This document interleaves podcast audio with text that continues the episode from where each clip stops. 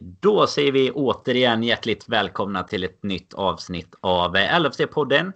Vi sitter här efter eh, en andra raka hemmaförlust för första gången i poddens historia och ska lyckas tackla det. Se om vi kan eh, på något sätt smälta faktumet och lite landa i vart vi ska ta vägen framöver här. För det är ju en stor match som väntar på söndag. Det är Manchester City och eh, frågan är väl helt enkelt om eh, vad vi ska göra i matchen där och även i ligan såklart. Eh, jag kommer göra detta tillsammans med Fredrik Eidefors. Eh, och innan jag välkomnar Fredrik in i värmen så eh, ska jag givetvis påminna om att vi gör detta i samarbete med LFC.se.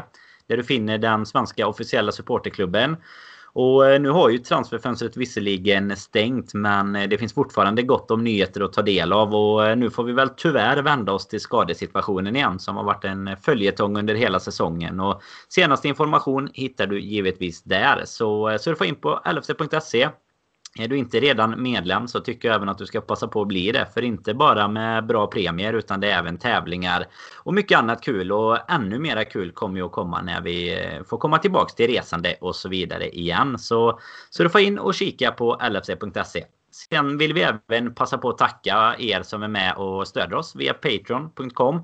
Det är ju så att vi har eh, gjort eh, ganska många extra avsnitt redan som finns i, och avnjutas där. Givetvis bakåt också för den som skulle surfa in och bli ny Patreon nu. Eh, vi drog ju här inför februari även igång en fantasy-tävling. Och första avsnittet hittar ni i historiken här, poddhistoriken. Men vill ni lyssna på fler sådana specialavsnitt kan man väl kalla det kring fantasy så är det Patreon som gäller framöver här. Eh, och vi kommer dra en liten vända om eh, hur det har börjat. Omgången är inte riktigt slut när vi sitter här och spelar in detta torsdag kväll. Men eh, det ska vi väl hinna gå igenom också här tillsammans med Fredrik. Men luta er tillbaka, sätt er till rätta. Hoppas att ni har på er liksom de här terapiglasögonen nu så ska vi försöka guida er genom en timme här med Brighton City och lite nyförvärv såklart också.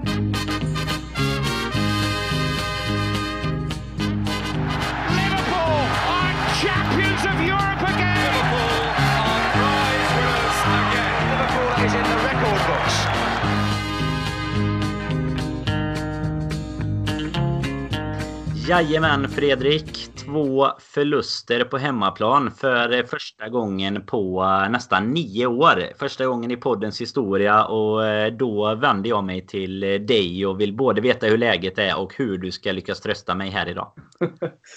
eh, ja, jag vill säga så här, jag kan svara eh, säkert på en och det är att eh, läget är som, ja, som det är efter en förlust mot Brighton. Jag Oh, herregud, jag vet inte riktigt vad jag ska säga. Vi har, vi har utstått jobbiga förluster den här säsongen och vi har eh, fler än, än senaste åren. Och den här var, den här var nog eh, tuff på, på flera olika plan och det var väl mestadels för att det var inte bara att vi var dåliga men jag tyckte faktiskt första gången att ett lag faktiskt var betydligt bättre än oss på hemmaplan mm. och vann. Det är en sån grej visserligen om man, om man pratar rent objektivt så, så, och lite att jag som fotbollsälskare så kan jag väl respektera det mer visserligen. För det gör jag verkligen. Vi ska faktiskt se till att hylla Brighton och den här podden lite också efter den här insatsen. För att det tycker jag att vi sällan gör med motståndarna i slutändan. Men eh, nej, annars är det ju som sagt helt sjuk känsla i sig att det har gått så här långt eh, som det har gjort nu. För nu, eh, visst efter två riktigt imponerande bortasegrar mot två betydligt tuffare lag som jag ser det egentligen på, på förhand. Så sitter vi här i den här båten redan och diskuterar eh, hur i hela friden vi inte kan göra mål på hemmaplan. Och ja, det är, med det sagt så kan vi säga att jag vet inte om jag kan trösta dig idag, men vi får väl försöka på något sätt. Det är, jag tror bara en sån grej att, att prata om det och få yttra sig lite här tror jag hjälper. Och förhoppningsvis för de som sitter och lyssnar här också, beroende på vad man, oavsett vad man än gör, om man är på väg till jobbet eller sitter och käkar lunch eller helt enkelt bara försöker somna någonstans så, så hoppas jag att vi kan hjälpa lite i alla fall. Ja, vi ska ju inte prata helt så här eh, från minut 1 till 90 om matchen. För då kommer väl alla att somna antar jag ja. som eh, lyssnar. I alla fall om vi ska prata Liverpools eh, spel. Men eh, du nämner ju en intressant grej där. Alltså det, jag tänkte att eh, givetvis att vi ska prata lite kort. Vi körde ju lite live här. Jag och Robin hade med oss Jocke Lundberg här i måndags när det var lite deadline day. Det ligger ju kvar på supporterklubbens Facebook-sida om man vill se det i efterhand. Våra reaktioner när det mitt under sändningen blev klart med, med Davis bland annat. Och lite senare så blev ju även Kabak helt eh, bekräftad då. Och tänkte att vi ska gå in lite kort på dem men framförallt givetvis prata, prata Brighton och prata City här. Men eh, du nämner ju en ganska intressant grej som jag ändå skulle vilja lyfta ganska tidigt här. Och jag vet vi, vi har varit inne på det och mycket diskussioner som har varit kring det tycker jag lite. Ja, själva momentumet kring hela frågan har väl skiftat lite de senaste veckorna men försvann lite efter segern mot eh, West Ham och segern mot Spurs där. Men vi har alltså då ett mål på de fyra senaste hemmamatcherna. Då snackar vi West Bromwich, United, Burnley och Brighton på Anfield. Det är med liten reservation för att jag inte har gjort grävet och kollat den där bak. Men troligtvis första gången sedan 1984 som det händer. Eh, vi har alltså inte släppt in, sedan van Dijk förlorade, släppt in mer än ett mål i en enda ligamatch. Eh, och ja, faktumet att vi hela tiden har suttit och skrikit på mittbackar. Nu har värvat två. Är det det som är problemet ens liksom? I en sån här match mot Brighton. Jag menar problemet är ju inte att Brighton trycker ner oss och skapar alldeles för mycket och att våra mittbackar gör bort sig. Eller vad, vad känner du? Nej, alltså det, jag kan säga att jag var ju först tvungen att verkligen faktachecka den där tweeten som kom ut där som jag tror många reagerar på just eh, som nämnde med att vi inte har släppt in mer än ett mål i en match sedan det är 2-2 borta mot Everton i ligan. Nej, det, kände, det kändes det, det, inte som kan jag säga det, när man läste nej, den. Men... Nej, men eh, med det sagt så ja, det är ju så, faktiskt sanningen och eh, och det är ju helt sjukt när man tänker efter med tanke på att vi har under den här perioden både mött bra motstånd men även mött bottensexan som vi för övrigt tappat alldeles för mycket poäng emot. Och det är väl... Ja, det är ju det vi de, tappar. Det, det, ja, precis. Det, det, det, är ju det som är problemet. Jag tror det är, vad är det nu, 20 poäng vi har mot bottensex exempelvis den här säsongen varav dubbelmöte hittills redan av ett eller två av de lagen mm. ändå. Men 20 poäng den på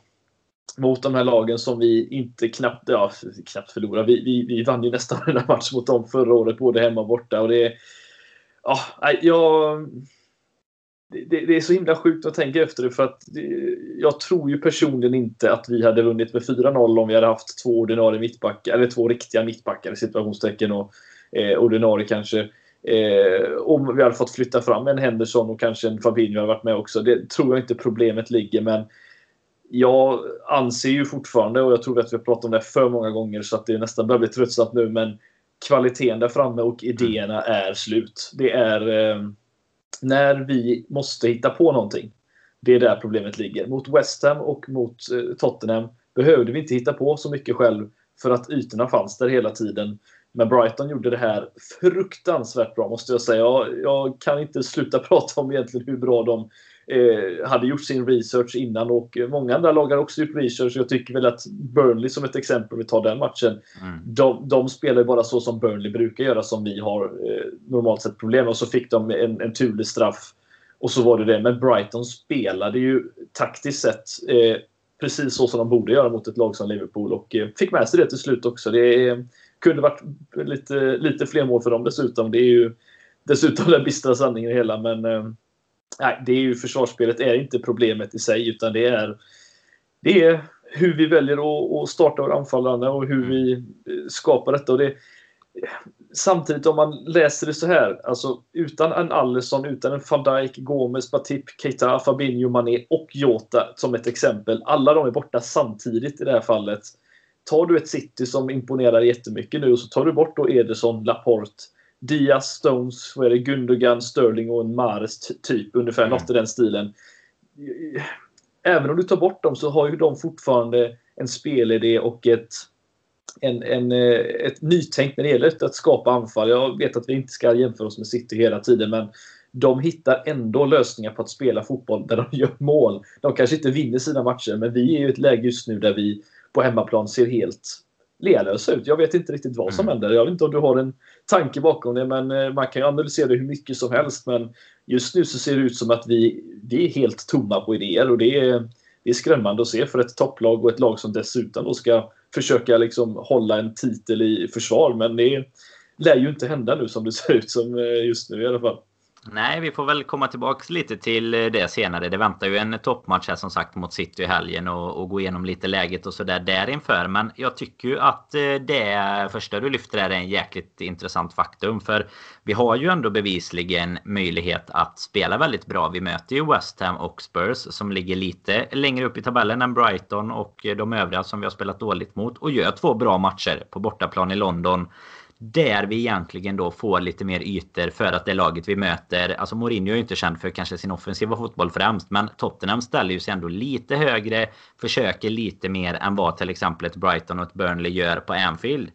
Och det är ju det som någonstans blir liksom problemet att vi måste ju med är du ett topplag och liksom du ska vara ett topplag i Europa då måste du ju kunna föra matcherna mot den här typen av motstånd. Det är ju kanske egentligen ännu viktigare än att du ska vinna en jämn match mot Manchester City liksom. Man, man brukar väl säga det engelska uttrycket är ju liksom beat the draw, win the League och det är det vi har haft problem med liksom om, om, vi minns tillbaka alla år innan Klopp kom så är det ungefär så här det har varit att vara Liverpool-supporter. Liksom man har lite toppar, två bra matcher och sen så kommer en Brighton-förlust eller någonting. Jag menar, det är ju inget som vi inte har varit med om eh, förr. Men, men det, det var länge sedan. Man, eh, och nu kommer man liksom ihåg hur lite sådär hur det känns då. Och eh, du är inne på det, alltså bot 6. Det är ju just nu Brighton, Newcastle, Burnley, Fulham, West Bromwich och Sheffield United. Och den enda segern vi har där, det är ju Sheffield United. Eh, 2-1 dessutom liksom liten marginal på, på Anfield också då. Brighton som sagt och då är det två möten redan mot dem. Så eh, nej, det är ju ett uppenbart problem att eh, det svåra denna säsongen är att möta den typen av lag. Och visst, vi har haft det till viss del innan. Förra säsongen som du sa, det är ju ett undantag när vi nästan kör över allt och alla under den tiden vi ändå behövde göra det om man säger så.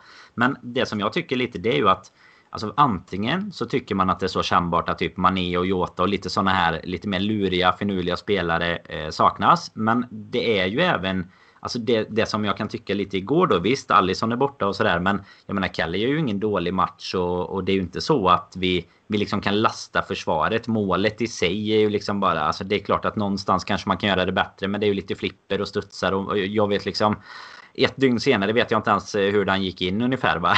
Sådär. Och, men, men det är ju då att när du tittar på startuppställningen så tycker du fortfarande att det här laget ska kunna vinna över Brighton. Och det är där jag tycker liksom det stora problemet blir. För att jag menar prata om alla skador vi har. Visst, det är skit och det kommer vara tufft över en säsong och hänga på.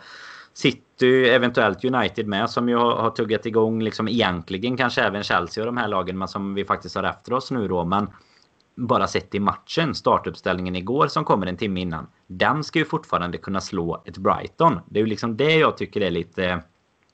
Ja, det, det, man måste liksom skilja på det att det är mycket skador över en säsong kommer göra ont i längden. Men enskilda matcher måste vi ändå kunna ha eh, medel för att vinna. Och det är ju precis det vi inte har haft i de här matcherna. Och Ja, men alltså, det är klart att Burnley till exempel kanske jag tycker att det fanns det. Alltså Nick Pope gör en bra match. Det fanns chanser. Hade vi fått ett mål eller två innan de får den här straffen då är det klart att matchbilden ser annorlunda ut. Men igår så tycker jag inte, alltså lite som du är inne på. Jag kanske inte vill hylla Brighton riktigt lika mycket. För jag tycker de drar sig eh, tillbaka till det här eh, klassiska brittiska Brighton-Burnley-spelet liksom. Men de har ju då gjort sin läxa så det är ju helt rätt att göra det liksom. Och, och, Potter har ju, alltså nu har de slått Liverpool och Spurs här på en vecka. Så, så någonting rätt gör de ju utan tvekan. Men i den här matchen så är det ju egentligen precis i början som vi skapar någon chans. Eh, Salah har ju någon chans där i början. Men annars är det ju relativt... Alltså vi har inte så mycket mer chanser. Och då är det ju som du är inne på. Då kan man ju eller lyfta på hatten vill man ju kanske inte göra för att man fortfarande är så besviken på sitt eget lag. Men här i den här matchen så är det i alla fall inte liksom våra missade chanser. Och jag vet när vi satt här efter Burnley-matchen att vi pratade om typ 87 missade chanser eller någonting på den här måltorkan. Men igår var det ju inte det som var problemet. Jag menar statistiken säger ju faktiskt att Brighton har 13 målchanser. Vi har 11. De har fyra skott på mål. Vi har ett. Och det är ju det, alltså det är ju bara det är ju sanslöst liksom. Det är ju sånt som inte har hänt i de här andra förlusterna och, och kryssen som vi ju tyvärr har, har fått stå ut med det senaste. Nej, nej men det, alltså, och det, jag, jag står fortfarande fast för det att de här spelarna i, i, sig som vi, som vi ställer upp med igår, för mig fick jag lite känsla när man kollar på den och det är ju på grund av alla skador. Alltså, det, det var nästan som en Eh, någon som skrev att det, det, där är en startelva som man ställer ut när det är ligacup eh, åttondel borta mot Middlesbrough. Typ. Alltså det, alltså, det, det var den känslan jag fick. Typ, att det här, är, det, här är det, det här är det bästa laget vi kan ställa ut med de spelarna som är tillgängliga just nu. Och det här är vad vi har. Och eh, jag anser ju inte att när man gör så, så har vi ju inte alla spelare som är anpassade för att spela just den fotbollen. Jag tycker ju till exempel som en spelare som Shakiri igår som har Ja, vi har hyllat de senaste två, två matcherna, eller ja, de senaste gångerna han har spelat i alla fall. Och man har sett att ja, men det finns någonting där när han får, när han får lite, lite ytor och får droppa ner och hämta lite boll. Han är ju ingen djupledslöpare på det sättet som en Salah exempelvis. Men med Firmino och honom i samma, samma anfall så blir det ju som att alla ville bara hämta boll hela tiden. Det var ingen som ville ta en extra löpning. Salah är den enda som gör det och han har han har ju svårt just nu när det kommer till de här lagen att han är ju ensam på det. Det finns ju ingen som hjälper honom. Och det är... Eh, ja, jag står fortfarande fast vid att det, det är ett spelidésproblem just nu som mm. Liverpool har och eh, jag tycker inte heller att vi ser någon reaktion på det. Att, att Klopp och killarna, jag trodde väl personligen, du kanske kände samma, att eh, när Spurs och West Ham-matchen, när de var färdiga så att säga, så kändes det som att nu kanske vi har hittat något nytt här. Nu kanske Klopp och de andra i, i laget har suttit ner och känt att nu kan vi inte fortsätta så här. Vi kan inte hålla på och hitta inlägg hela tiden. Och eh, det gjorde vi inte nu heller egentligen, utan nu var det bara som, som vi sa, att det fanns ingenting.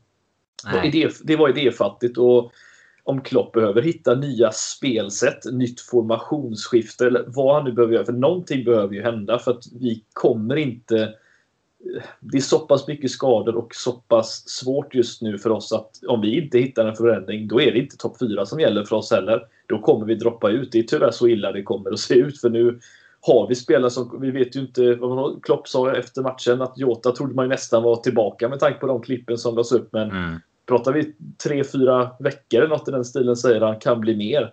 Jag tänker, nej, jag trodde han skulle vara tillbaka om en vecka ungefär och ja, det, det ser riktigt tufft ut nu Danne. Det är eh, Ja, det är nästan så att vi bara vill spela bortamatcher i London. För det är, där vi, det är där vi gör mål och vinner matcher ungefär.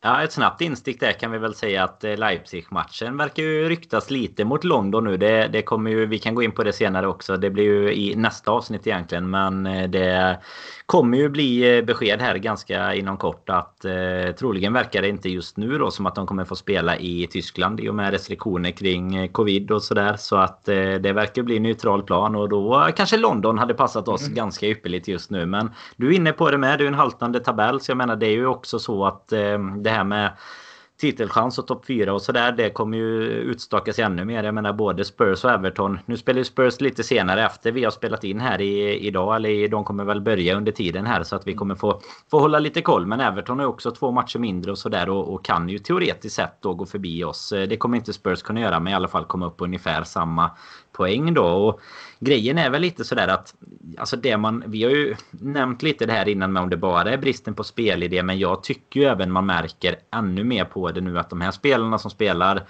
vecka ut vecka in och så man märker ju att det finns någon, någon trötthet, alltså kanske både fysisk trötthet och mental trötthet liksom men att de liksom är utpumpade på något sätt och då då blir det ju ännu mer kanske tjänstefel. Att, jag menar, vi kan ju inte bara ta in en massa spelare bara för att såklart. Men jag, menar, jag kan ju känna att det är en, en typ Curtis Jones skulle kanske kunna komma in och skoja till det lite mer från start än James Milner till exempel. Nu har det såklart sett bra ut i två raka matcher med honom på planen. Men det, det är lite sådär att man känner att man bara... motstånd också. Ja, det är ju det. Att man måste anpassa sig efter motståndet. Jag menar, vi behöver någon som kan... Alltså vi vet ju att vi kommer föra lite mer boll mot ett Brighton. Jag menar, vi, vi skickar iväg Minamino på lån eh, precis i, i slutet där på deadline day. Visst, han verkar ju ändå vara, vara längst, längst, längst ner liksom i, i frysboxen ändå. Så det är väl kanske ingen kille som hade kommit in. Men det gör ju att alternativen blir ännu färre på bänken. Och jag menar nu är det ju Origi och Oxlade som kommer in först. Sen får ju även eh, Curtis Jones komma in en stund också. Men jag menar det är ju inga...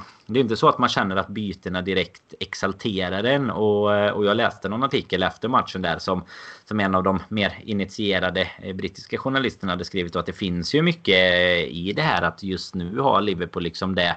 Alltså sådana extrema toppar och dalar mellan sina spelare egentligen. Att du vet inte ens om en trött spelare på plan. Det, det blir liksom ingen förbättring av att du tar in till exempel Origi. Säg att Ja, han hade, eller som han gick in nu då igår till exempel. Alltså att han går in mot en Firmino till exempel. Det gör ju ingen... Alltså även om Firmino ser trött ut och seg ut så blir ju inte en Origi en förbättring. Och det måste man ju ha. Du måste byta in spelare efter en timmes spel liksom som ska ge något nytt, en liten injektion. Du ska eventuellt kunna byta in någon där du kan förändra spelsystemet för att ditt eget spelsystem hackar liksom. Och det, nu är det ju mer bara, nej, men vi byter ut den och så sätter vi in en, eh, alltså vi byter ut en kona och sätter in en ny kona liksom. Och det, det, det är ju lite jobbigt kan jag känna.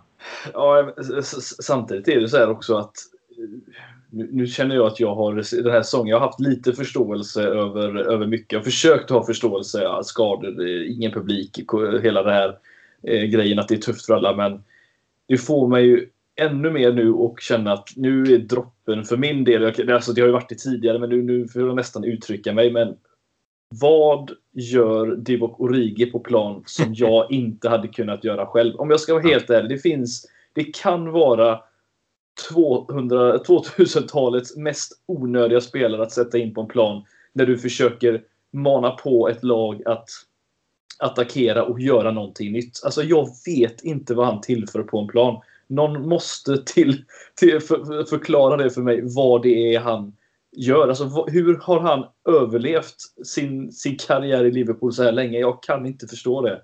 Det är, och Klopps byten, alltså, nu kan vi väl hoppa in lite på en sån grej också att vi, att vi startar andra halvlek med exakt samma lag är mm. tjänstefel av Klopp, kan jag tycka. Alltså det är någonting som är riktigt fel när man sätter ut samma spelare på mittfältet anfallsmässigt, ja det är klart att hade han satt in Origi eller Oxlade från, från halvlek då hade jag väl varit nöjd att det hade gjort ett byte åtminstone.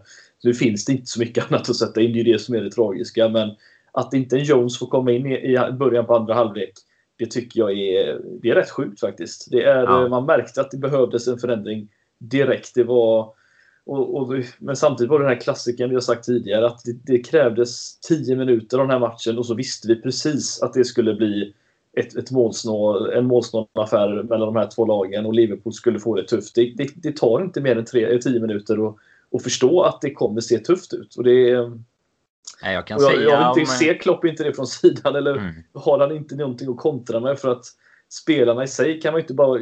Alltså det är Klopps ansvar att säga till spelarna att nu måste vi hitta andra sätt att spela fotboll. Vi kan inte bara improvisera om det inte finns någon idé där utan det måste finnas någon plan B som Klopp får, får hitta här för att det är att det är dåligt matchcoachning tillsammans med att det var en dålig kväll helt enkelt.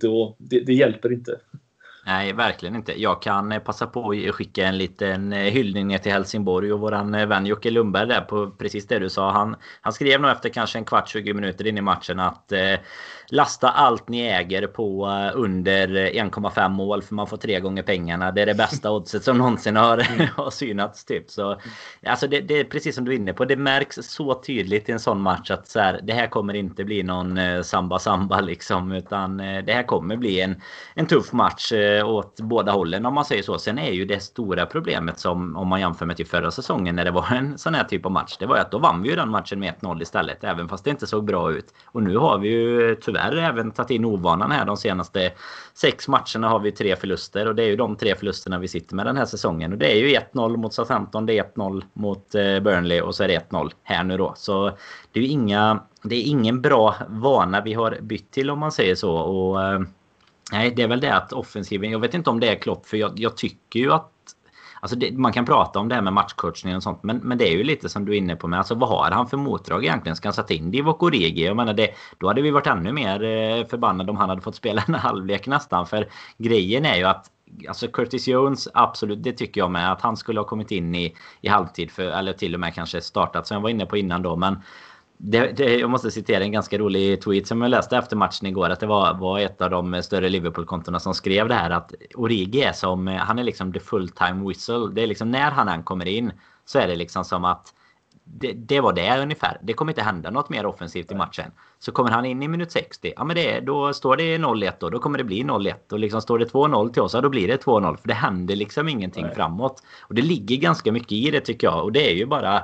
Alltså visst, eh, man, man pratar alltid om att man måste nämna hans fina streak där som han hade. Men den får vi fasen blåsa bort nu. Han, för nu har han, varit så onödig så länge. Liksom. för att göra de mål. Han är en professionell fotbollsspelare. Att han, alltså, det är så sjukt att folk, att folk kan leva, få sånt här och leva kvar. Det, alltså, han är betald för att göra de målen. Sen att han är där på plats och att det blir betydelsefulla mål. Ja, det är jättekult att, att ha det vidare. Så där. Det är, vi, vi är tacksamma för det. Men... Ja, men framförallt blir han ju kulthjälte av det. För jag menar, hade Salah gjort de målen så är det ingen som hade sagt bara Salah, nu är han kulthjälte. För han Nej. gör ju de målen hela tiden. Utan det är ju bara för att ingen någonsin hade kunnat tänka sig att Divock Origi skulle göra 2-0 i en Champions League-final. Liksom.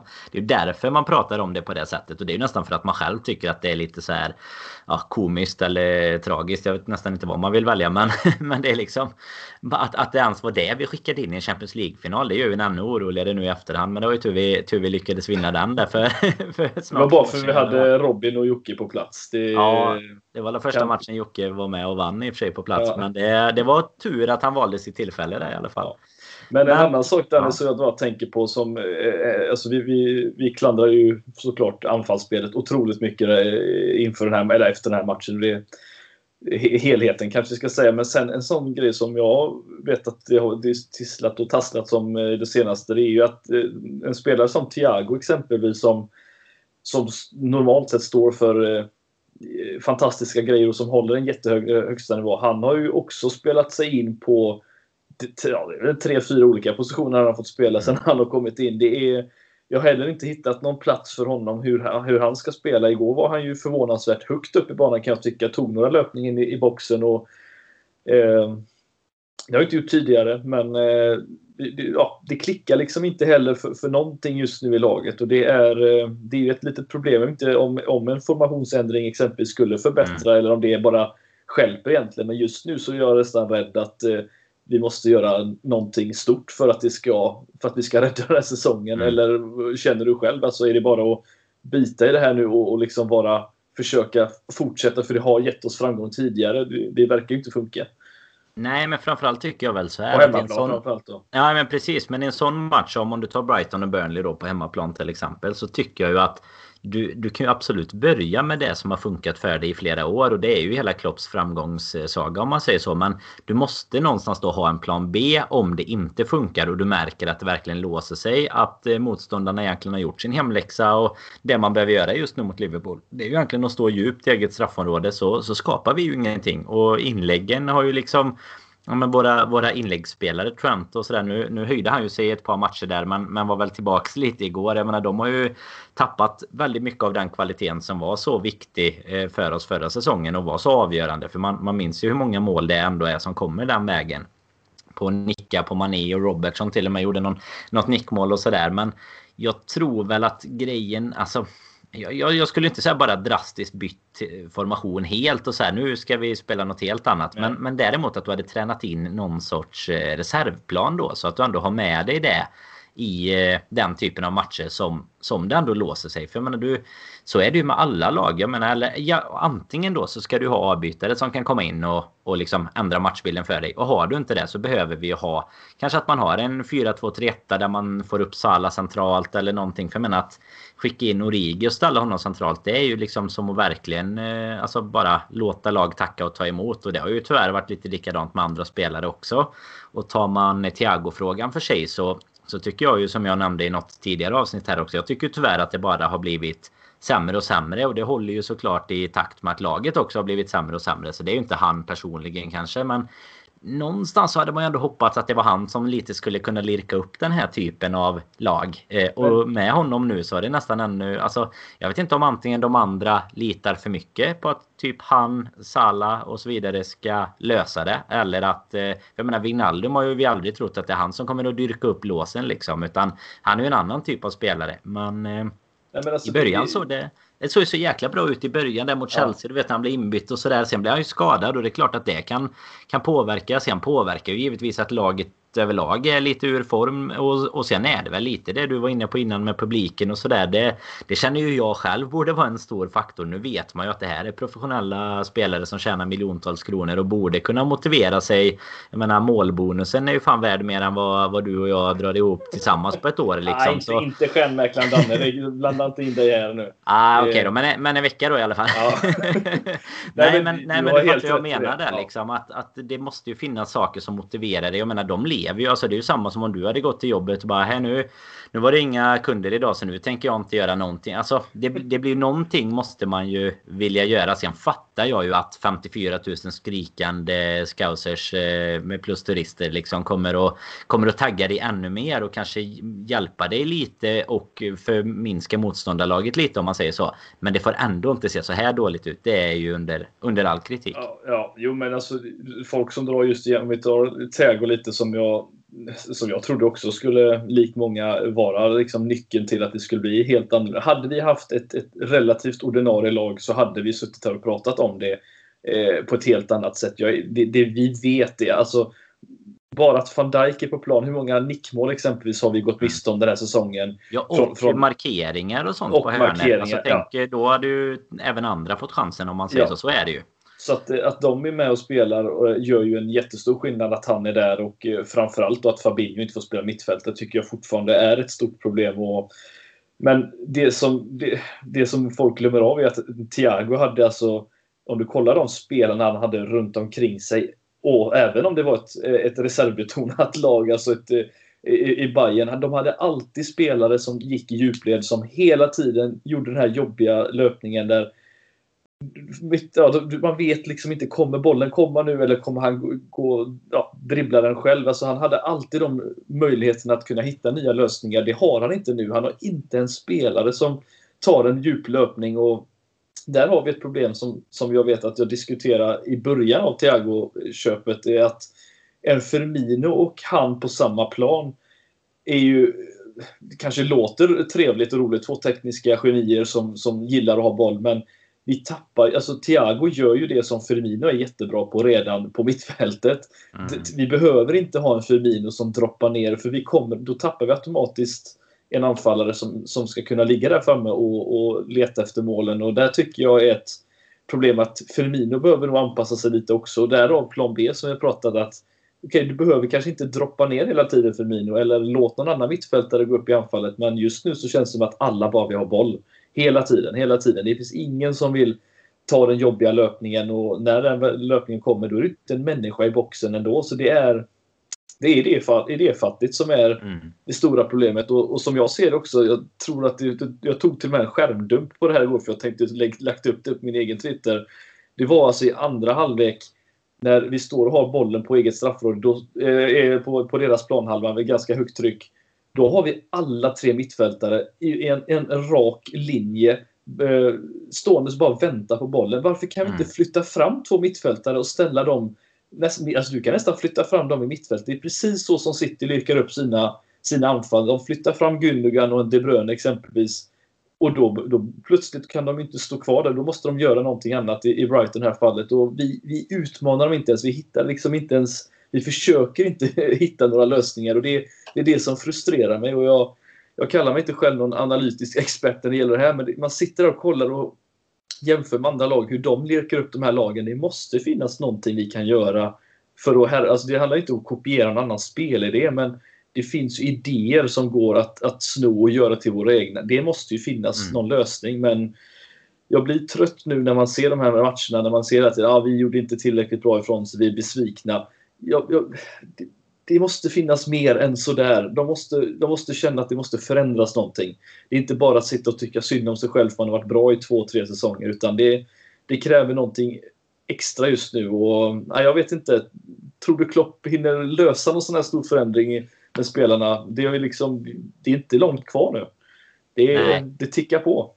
Ja, det gör det ju. Varje, alltså det är ju ett tätt schema också om man säger så. Så nu är vi uppe på, på 22 matcher. Liksom har vi lirat nu och det är ju... Alltså det, och det säger, schemat som kommer snart ska vi tillägga för oss är ju ja, rent mönstermässigt så borde vi göra bra ifrån oss för det är ett som kommer här. Men, Förhoppningsvis. Men, men med det sagt och vi kanske inte har Mané och vi vet ju inte vad som händer med, med, Allison, med, med Allison och hur illa det där är heller nu. Förhoppningsvis var han ju bara, bara sjuk men ja, det, är, det kan verkligen och det har vi sagt kanske tidigare, men nu känns det verkligen som att går det inte vår väg nu så då blir det riktigt tufft alltså. Ja, det blir ju en ruggigt viktig match eh, som vi ska snacka upp här alldeles strax. Mm. Jag tänkte det sista av, av Brighton där egentligen. Eh, det, det man kan konstatera är ju precis det du pratade om. Din skärmdump där som, som eh, du hade med tre stycken på rad. Alltså det problemet har ju varit genomgående i alla ja, de här matcherna ja, ja. när vi har haft eh, svårt mot de här lagen. Och det tycker jag, jag vet att jag tänkte på det i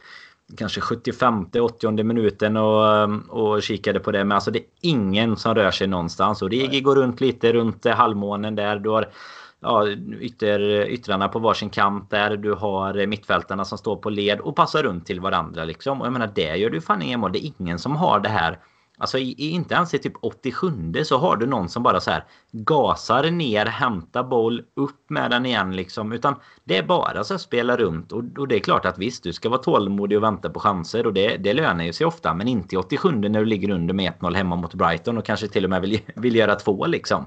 Eh, vi, vi har saknat väldigt mycket av den här.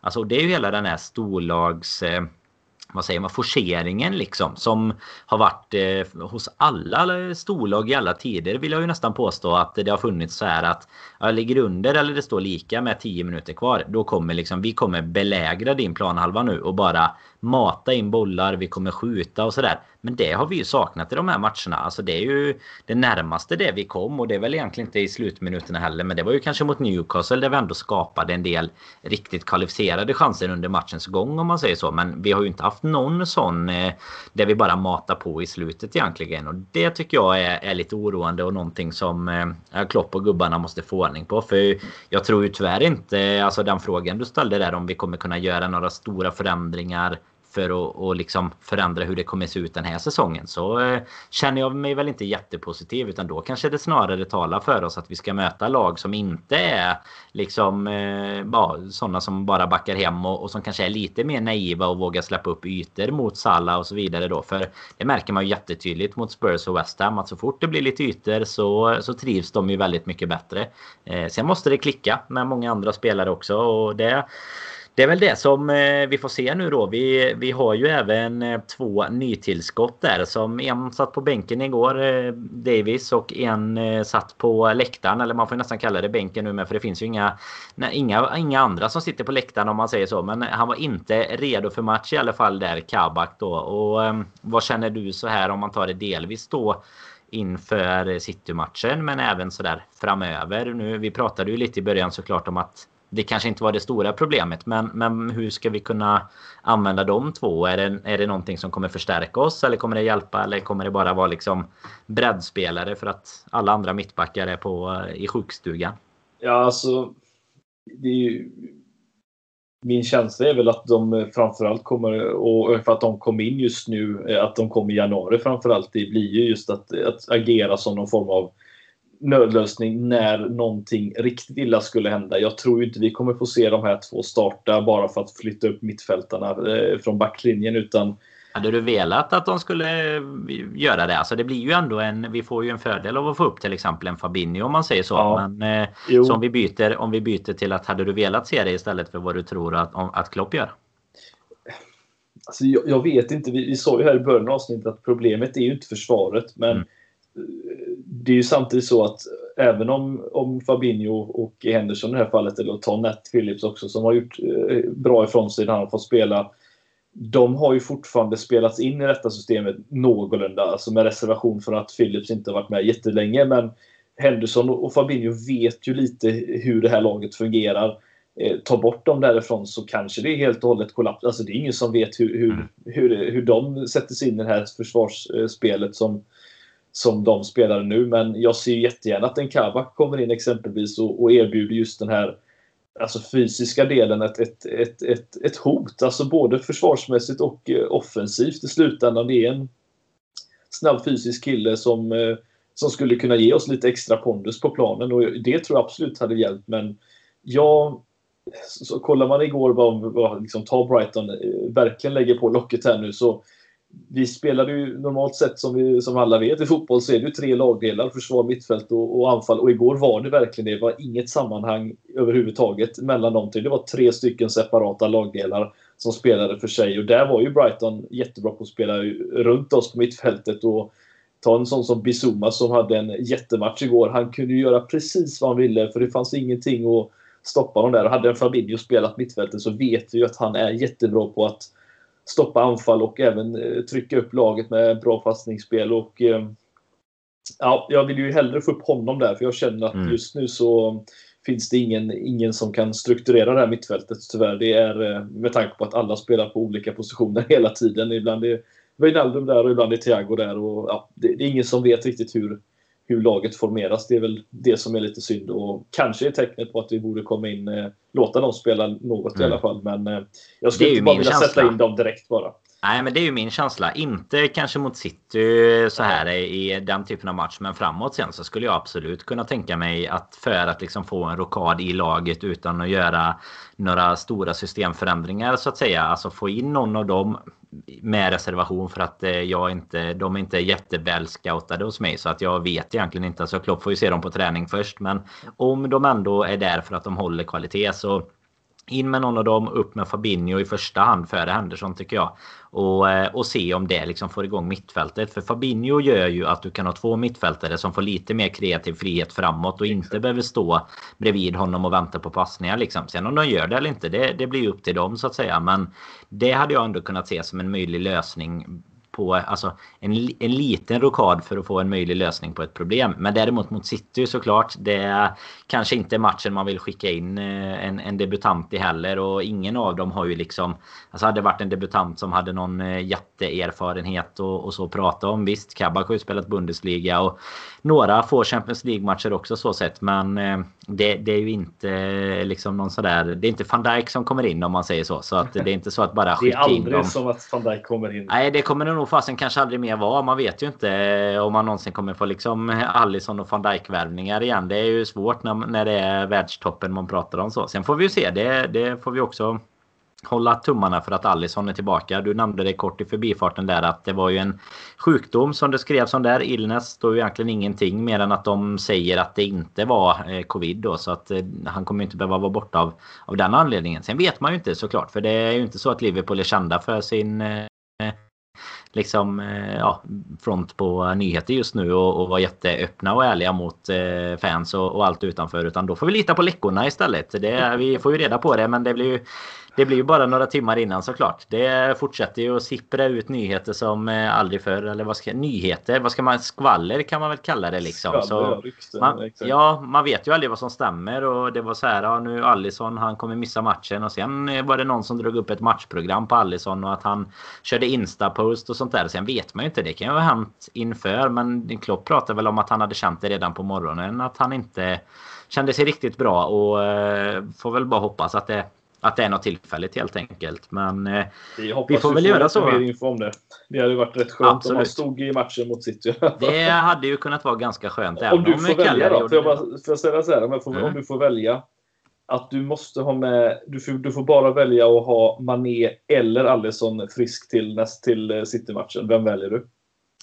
Och för fan, den är ju svår. Jag hade ju sagt Mané i nio matcher av tio kan jag ju säga direkt. Alla matcher nästan. Men här kommer vi ju eventuellt släppa till en hel del bra chanser också.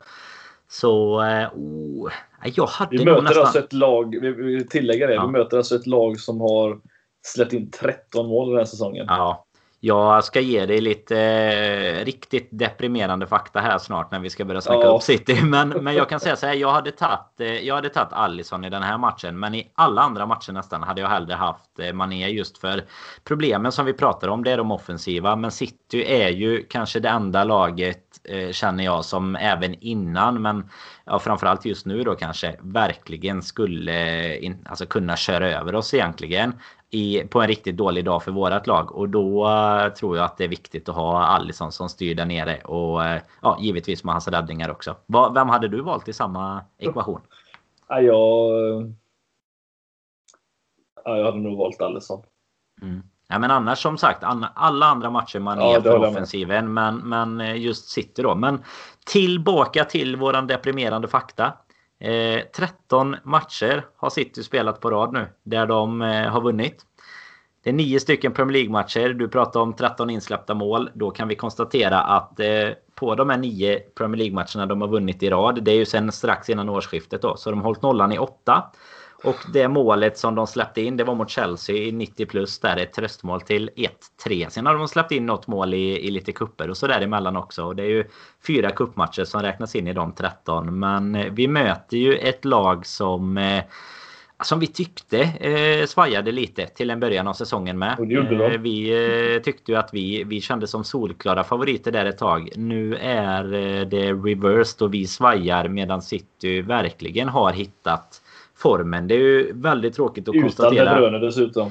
Utan De Bruyne ja just nu och eh, då har ju istället Gündogan gått in och blivit någon sorts målkung i hans ställe. Nu gjorde han assist eh, senast här men han har ju eh, verkligen öst på med mål med. Nu är de ju sju poäng före oss inför matchen och eh, med en match mindre spelad dessutom så eh, nu, vi kan väl börja då innan vi snackar matchen. Alltså, om jag säger så här att det är en måste-match för att hänga med i titelracet. Känner du att det är en, en liksom är titelracet ens någonting som du tittar mot nu? Eller är det en mer en måste-match för att hålla, hålla topp 4-stången? Liksom? Jag, jag, ska vara helt ärlig Danne. Jag har, eh, jag har sedan den här egentligen, alltså innan Spurs och West Ham också egentligen. Alltså det, var, det är för många matcher som vi tappade poäng där och eh, inte, inte vann några matcher och framförallt eh, har, har visat att inte bara statistiskt sett att vi har varit dåliga utan vi har varit väldigt dåliga också. Det har inte bara, vi har inte fått med oss ens mål. Det är, det är inget bra tecken. Eh, jag har redan glömt ligatiteln. Vi kommer inte att vinna ligan i år. Ja, vi, vi satt och trodde det, men, och det kan man göra för, för, för många veckor sedan. Det såg väldigt ljust ut, men sen dess har det ju då gått käpprätt åt helvete. Eh, alltså, jag ska vara helt ärlig, jag, jag ser bara att komma fyra och kunna starta nästa säsong med Champions League det målet just nu med tanke på hur mycket skador vi har och, och där vi vet att många spelare kommer vara borta resten av säsongen och eh, ja, ytterligare lite till än det som är nu. Så att jag, jag har gett upp det. Jag, jag, nu handlar det bara om att, att hålla sig vid liv i, i, ligan och inte, inte tappa det helt och hållet. Det, det är så jag känner just nu. Jag vet ja. det, och jag har ändå hunnit smälta gårdagen någorlunda så nu är det inte liksom mm. Nu är det inte adrenalinet efter matchen som talar utan nu är det faktiskt common sense lite att jag är så rädd är jag för att säsongen ska försvinna här och nu. Mm, nej men du sa ju det där att du även hade samma känsla lite inför då Spurs och West Ham. Så att man får ändå känna att den har, den har hängt med ett tag. Jag vet inte, jag, jag funderade på under tiden du pratade om jag skulle gått in och lagt en sån här eh, Never Give Up-tröja på beställning till dig. Du vet en sån Salah hade där i, i CL. Och ja, känna att Aide kunde gå ut med den i, i mitten på februari här på, på Avenyn och bara nu jävlar nu ska vi, nu ska vi upp i toppen igen. Nej, det, jag, jag får väl tyvärr eh, känna att jag är lite inne på ditt spår. Kanske inte riktigt... Eh, alltså man vill ju inte riktigt eh, släppa det. Och det är så här, bara vi slår City nu så ehm, så är vi ju med lite igen. Men jag tror ju tyvärr att det är som jag pratade om innan. Det här med att skadorna över en längre tid. Jag tror att vi kommer ha, fortsätta vara ganska ojämna. Vi kommer se skitbra insatser eh, under sista delen av säsongen också. Det är jag helt säker på. Men jag tror att vi kommer ha svårt att hålla upp den jämnheten som krävs. Och därför är det väl på något sätt så att prioriteten måste ju, alltså vi får ju absolut inte missa topp 4 såklart och det, det tycker jag inte vi ska behöva oroa oss för med, när alla andra har ju lite samma förutsättningar och många, det är ju egentligen bara City just nu som eh, som är riktigt heta. Även om United ju liksom körde en riktig stjärnsmäll här. Men då är det också så att de förlorar ju mot Sheffield United för ett par omgångar sedan. Så att det är ju egentligen City. Och då, då får väl de eh, rycka i så fall om det skulle bli så. Nu hoppas jag inte att det blir just mot oss de tar de här poängen såklart. Men eh, jag hade ju... Eh, det, det, är ju liksom pest eller kolera. Men jag, jag, tar ju hellre att City vinner ligan än United i alla fall. Bara för att jag inte liksom har någon sorts koppling till City. Sen finns det ju, eller du vet någon man känner och sådär. Sen Nej. finns det ju så mycket annat smutsigt med den fotbollsklubben som Spiegel och andra har tagit fram. Och, och, det är ju värt att gå in och läsa en gång till om man vill påminna sig om varför, varför man vill vinna extra mycket på söndag också. Men vad tror du då? Alltså lagmässigt, vi snackar Alisson före Mané om vi måste välja på dem. Eh, nu, nu var det ju faktiskt prat om att eh, återigen då att det var liksom sent. Eh, ja, det här med att man är, vi ska inte riska honom och sådär. Nu, nu var ju det kanske dumt i efterhand då om man, om man hade kunnat spela. Men om han är tillbaka och sådär. Han går väl in ganska givet såklart. Och det är samma gäller ju Alisson om han är tillbaka. Men känner du annars att det är några rokader? Vi var inne lite på, inga nyförvärv kanske, men Philips och, och de i backlinjen var... Alltså det är om Fabinho är tillbaka då. Ja, ja, han, eh, han, han går ju en, som, som man säger, en kamp mot klockan, Danne. Och eh, han ser jag, tycker jag hade varit eh, väldigt viktigt om vi hade kunnat få in mm. framförallt. Då hade jag, gärna, då hade jag nästan sett honom i backlinjen ihop med, med Henderson. Så känner jag nog att det, det bästa hade varit i slutändan om det hade gått att få tillbaka. Men eh, ja, han, han verkar jobba hårt för att komma tillbaka och han hoppas ju att han är tillbaka så snart som möjligt. Men eh, ja, det, det är väl snarare Mané som, han har inte ens tränat den här hittills den här veckan. Eh, och det, det är ju ett väldigt dåligt tecken, men det är väl som de säger oftast, tränar de inte på en fredag då, då är man oftast inte eh, att de spelar till helgen som sagt. Då, då är de ju ute där. Men, mm. Så att bilderna vid, vid lunchtid imorgon, eller vad man ska säga, det är, eller vad, vad Klopp säger då, det är vid tvåtiden. Det brukar han väl hålla den eh, presskonferensen. Mm. Något sånt där. Det, det är då vi får reda på det, men eh, alltså, det, kan vi få med honom, Alisson och, eh, och Fabinho, då har vi ju helt andra förutsättningar för den här matchen. Annars så kan det bli tufft. Mm. Eller det kommer det bli tufft, men... Det bästa ja. vore kanske att vi inte tränade alls med alla skador och sånt. Vi har ju, kan ju bara konstatera om det är någon som skulle ha missat det. Vi har ju inte pratat om det så mycket nu sen det blev helt bekräftat. Men Matip också borta ju nu för resten av säsongen här tillsammans med alla sina mittbackskollegor där. Och, och som du var inne på innan, nu är det City som väntar. Sen helgen efter det nu, då har vi ju en vecka för ovanlighetens skull kommer det ju vara vila emellan. Eller nästan en vecka då, det blir söndag till lördag. Men då är det ju Leicester borta, också en toppkonkurrent. Och sen är det ju Champions League som drar igång igen. Så det fortsätter ju med hårt matchande och efter det är det dessutom Merseyside Derby. Så det är ju fyra matcher här nu som kan bli väldigt, väldigt säsongsdefinierande. För jag menar det är ju de här matcherna vi då måste vinna när vi inte lyckas vinna mot eh, ja, de som vi på förhand tycker att vi, vi borde kunna vinna mot. Men vad så allmänna känslan eh, så är det ett dygn efter Brighton-matchen om man bara tänker inför City. Har du någon sån här känsla av att fan nu, det är ju ändå ett lag där det kommer kunna bli lite mer ytor än vad det blir mot ett Brighton? Eller, eller känner du bara att det är, det är bara att, att skicka, skicka poängen nästan? nej, nej, så illa ska vi inte säga att det, är. det är fortfarande ett Liverpool som, eh, som, som har visat mot topplag att man kan eh, att man kan slå tillbaka. Så vi får inte glömma att med två imponerande segrar mot West Ham eh, som ligger i, runt omkring oss. Vi har en riktigt imponerande seger, både mot, eller två segrar mot Tottenham och även mot en, en viktigt, väldigt imponerande till och med på, på Leicester den här säsongen på hemmaplan. Eh, vi har ju fort, fortfarande inte förlorat mot eh, ett topp 8-lag den här säsongen. Vi har nästan vunnit allihopa som jag har spelat där, vilket är rätt sjukt. Det är bara sen då Villa under där som vi hade lite tufft mot i början av säsongen. Men eh, Alltså jag känner så här rent spontant att eh, jag har, jag har förhoppning på att vi mycket väl kan vinna den här matchen och det är, det är bara baserat på att vi har varit bra mot topplagen. Det är egentligen det enda. Mm. Det, det finns inget annat som talar för oss överhuvudtaget annars. Nej men det är, så, så illa är det. Alltså City har ju hittat ett sätt att spela ett, en fotboll där de inte släpper in mål och gör mer än motståndarna. Det är ju det mest optimala men de släpper ju inte in ett enda knappt. Det är det som är grejen. Och eh, Mm. Ja, det, jag, jag, ser egentligen bara det positiva, det är att vi har varit bra på topplagen. Annars så talar absolut ingenting för oss och då är det jag som eh, normalt sett brukar försöka vara optimistisk i de här fallen. men eh, inte ens nu kan jag vara det tyvärr.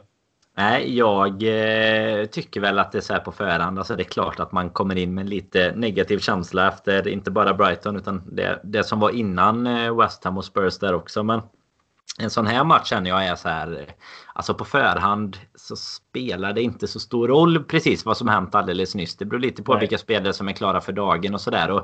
Det skulle lika väl kunna bli 3-0 åt båda hållen. På något sånt känner jag. Sen slutar ju alltid en sån match när man tror. Det blir ju alltid 0-0 eller 1-0 eller 0-1 då. Men det är liksom känslan är att det, den är liksom frikopplad från de formerna som lagen går in med. Och ska man se någonting lite, lite positivt om man ska säga så i, i Citys långa vinstrad så är det väl att nu, nu med undantag för några få matcher då så gör de ju inte alltid så där extremt mycket mål. Alltså det är en hel del 1-0 eller 2-1 eller, eller i och för sig 2-1 är det inte så många nu. 2-0 snarare då eftersom de hade släppt, släppt in så få mål. Men det, det finns ändå liksom någonting i att de inte bara gör de här 8-0 och 5-0 och så hela tiden heller. det hade skrämt mig mer. Sen tror jag inte att det hade spelat någon roll bara för att de hade vunnit. Det, det gjorde det uppenbarligen inte när vi vann med 7-0. Då blev det ju katastrof efteråt liksom.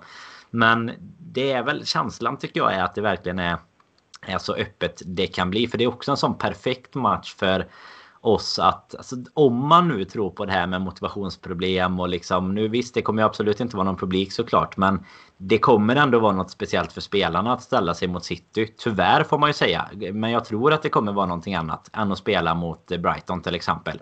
Eh, och det tycker man ju inte att det ska behöva vara såklart. För jag menar tre poäng är ju tre poäng oavsett. Men jag tror ändå att många av dem känner det och det finns liksom den här, alltså City har ju ändå varit våran stora antagonist här de senaste säsongerna. Det är ju utan tvekan så att det är de och vi och de som har varit toppklubbarna om man kommer se liksom senare delen av eh, 10-talet blir det väl. Nu höll jag på att tappa bort mig i, i eh, årsräkningen där. Men alltså från, från eh, ja, 17 knappt men, men 18, 19, 20 så då är det ju ändå oss två det har stått emellan. Eh, och, mm, nej, jag tror ändå det kan vara någonting som motiverar upp det. Men eh, ja, det, det återstår väl att se. Vi kommer ju såklart i, i vanlig ordning i alla fall köra tröjtävling på Patreon. Eh, gör vi inför alla matcher. Det har ju varit ett par matcher nu. West Ham och Spurs lyckades ju vi få lite vinnare. Men eh, de här resultaten, eh, hemmaförluster med 0-1 mot Brighton, Burnley och sådär. Det ger inga glada tröjvinnare. Och det är väl kanske tur det. För det hade varit en sån här... Det hade varit en jobbig tröja att eh, bära med stolthet sen kanske. Om man har, har tippat 0-1 mot Brighton Hur vann du den tröjan? Nej, jag...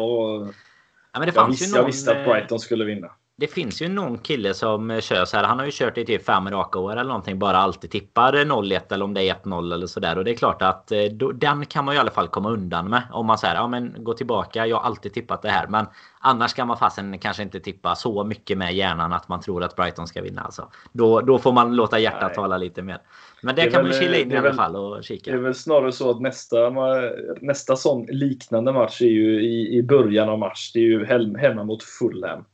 Då Om inte du tycker att Everton hemma är en liknande match. För den ja. är fan Evertons eh, form. Eh, nu vann de väl i, eh, här igår, men de, de har ju sett tråkiga ut alltså. Jo, men Fulham hemma är en typexempel på en sån match som vi kommer nog få mycket 0-1 tippningar då. Ja, och jag tycker nog att de... Eh, det var jag lite... Det var jag inne på spåret som du var med Brighton. Jag tror att Fulham tyckte jag ju var riktigt bra mot oss. Eh, så den matchen oroar jag mig fastän för redan nu när du börjar prata om den. För den... Det tycker jag är en av dem där vi absolut inte förtjänade ett poäng som vi faktiskt tog med oss. Eh, de hade ju extremt mycket bra lägen i första halvlek där när vi, när vi mötte dem borta. Men till, eh, till då tipstävlingen och det så ska man även gå in på Patreon och ehm, ja, lyssna fantasy här framöver såklart. Eh, LFC-poddens vårspurt är igång. Det är Kevin som leder med då reservation för att det är en match kvar här. Eh, det är hans FC Cantonesia. Man hoppas ju kanske inte att det finns någon Cantona-koppling för både Cantonesia och Bruno Fernandes som kapten Fredrik. Det får ju nästan att misstänka att det är en spion i lägret här men det kanske är en som har hjärnan snarare än hjärtat med sig sig och fasen då vinner man ju saker. Det är därför jag ligger och harvar någonstans i mitten nu för att man tog Salla som kapten va. Och det gick ju inte så jäkla bra. Inte Lingard menar du? Vad sa du? Inte, inte Jesse Lingard. Nej, det hade varit en riktigt bra kapten att ha kan vi däremot konstatera. För jag tror att eh, då hade man varit liksom en av väldigt få som hade suttit på honom. Och det är alltid bra om man kan sticka ut lite såklart. Eh, det kanske hade varit något för oss eh, Aide, eller vad säger du? En offensiv pjäs och låna in här så här för att, lösa problemen framåt. Nej, det är ju otroligt att han samtidigt som man ska behöva bevittna en Brighton-förlust så kommer han och gör två mål för toppkonkurrenten West Ham som de ju faktiskt är nu. De är ju strax bakom oss här. Vi, det är ju bara våran seger som gör att vi lyckades hålla dem eh, bakom egentligen. Mer i alla fall. Nej, det är skönt i alla fall. De är ju två poäng back eh, på oss nu och de har ju sin Zuzek där som bara fortsätter att ösa in mål. Eh, gick faktiskt förbi lite fakta om att han Tog sig förbi Bruno Fernandes i den eh, innermittfältaren som har gjort eh, flest mål sedan han kom till Premier League i eh, spelmål då. Fernandes har ju även gjort 342 straffmål så de, de räknas ju in i en annan statistik såklart. Men in på Patreon i alla fall och tävla om tröjor och tävla i fantasy och tävla egentligen i allt möjligt och lyssna även på våra specialavsnitt där. Det är lite i produktion med kan vi säga utan att avslöja för mycket Fredrik tycker jag va. Så är det väl några i pipen så mycket kan vi ju säga i alla fall och sen får vi väl bara hoppas att du eller jag kan hjälpa någon på traven här kanske. För jag tänkte att du ska få svara på vad Liverpool-Manchester City slutar på söndag.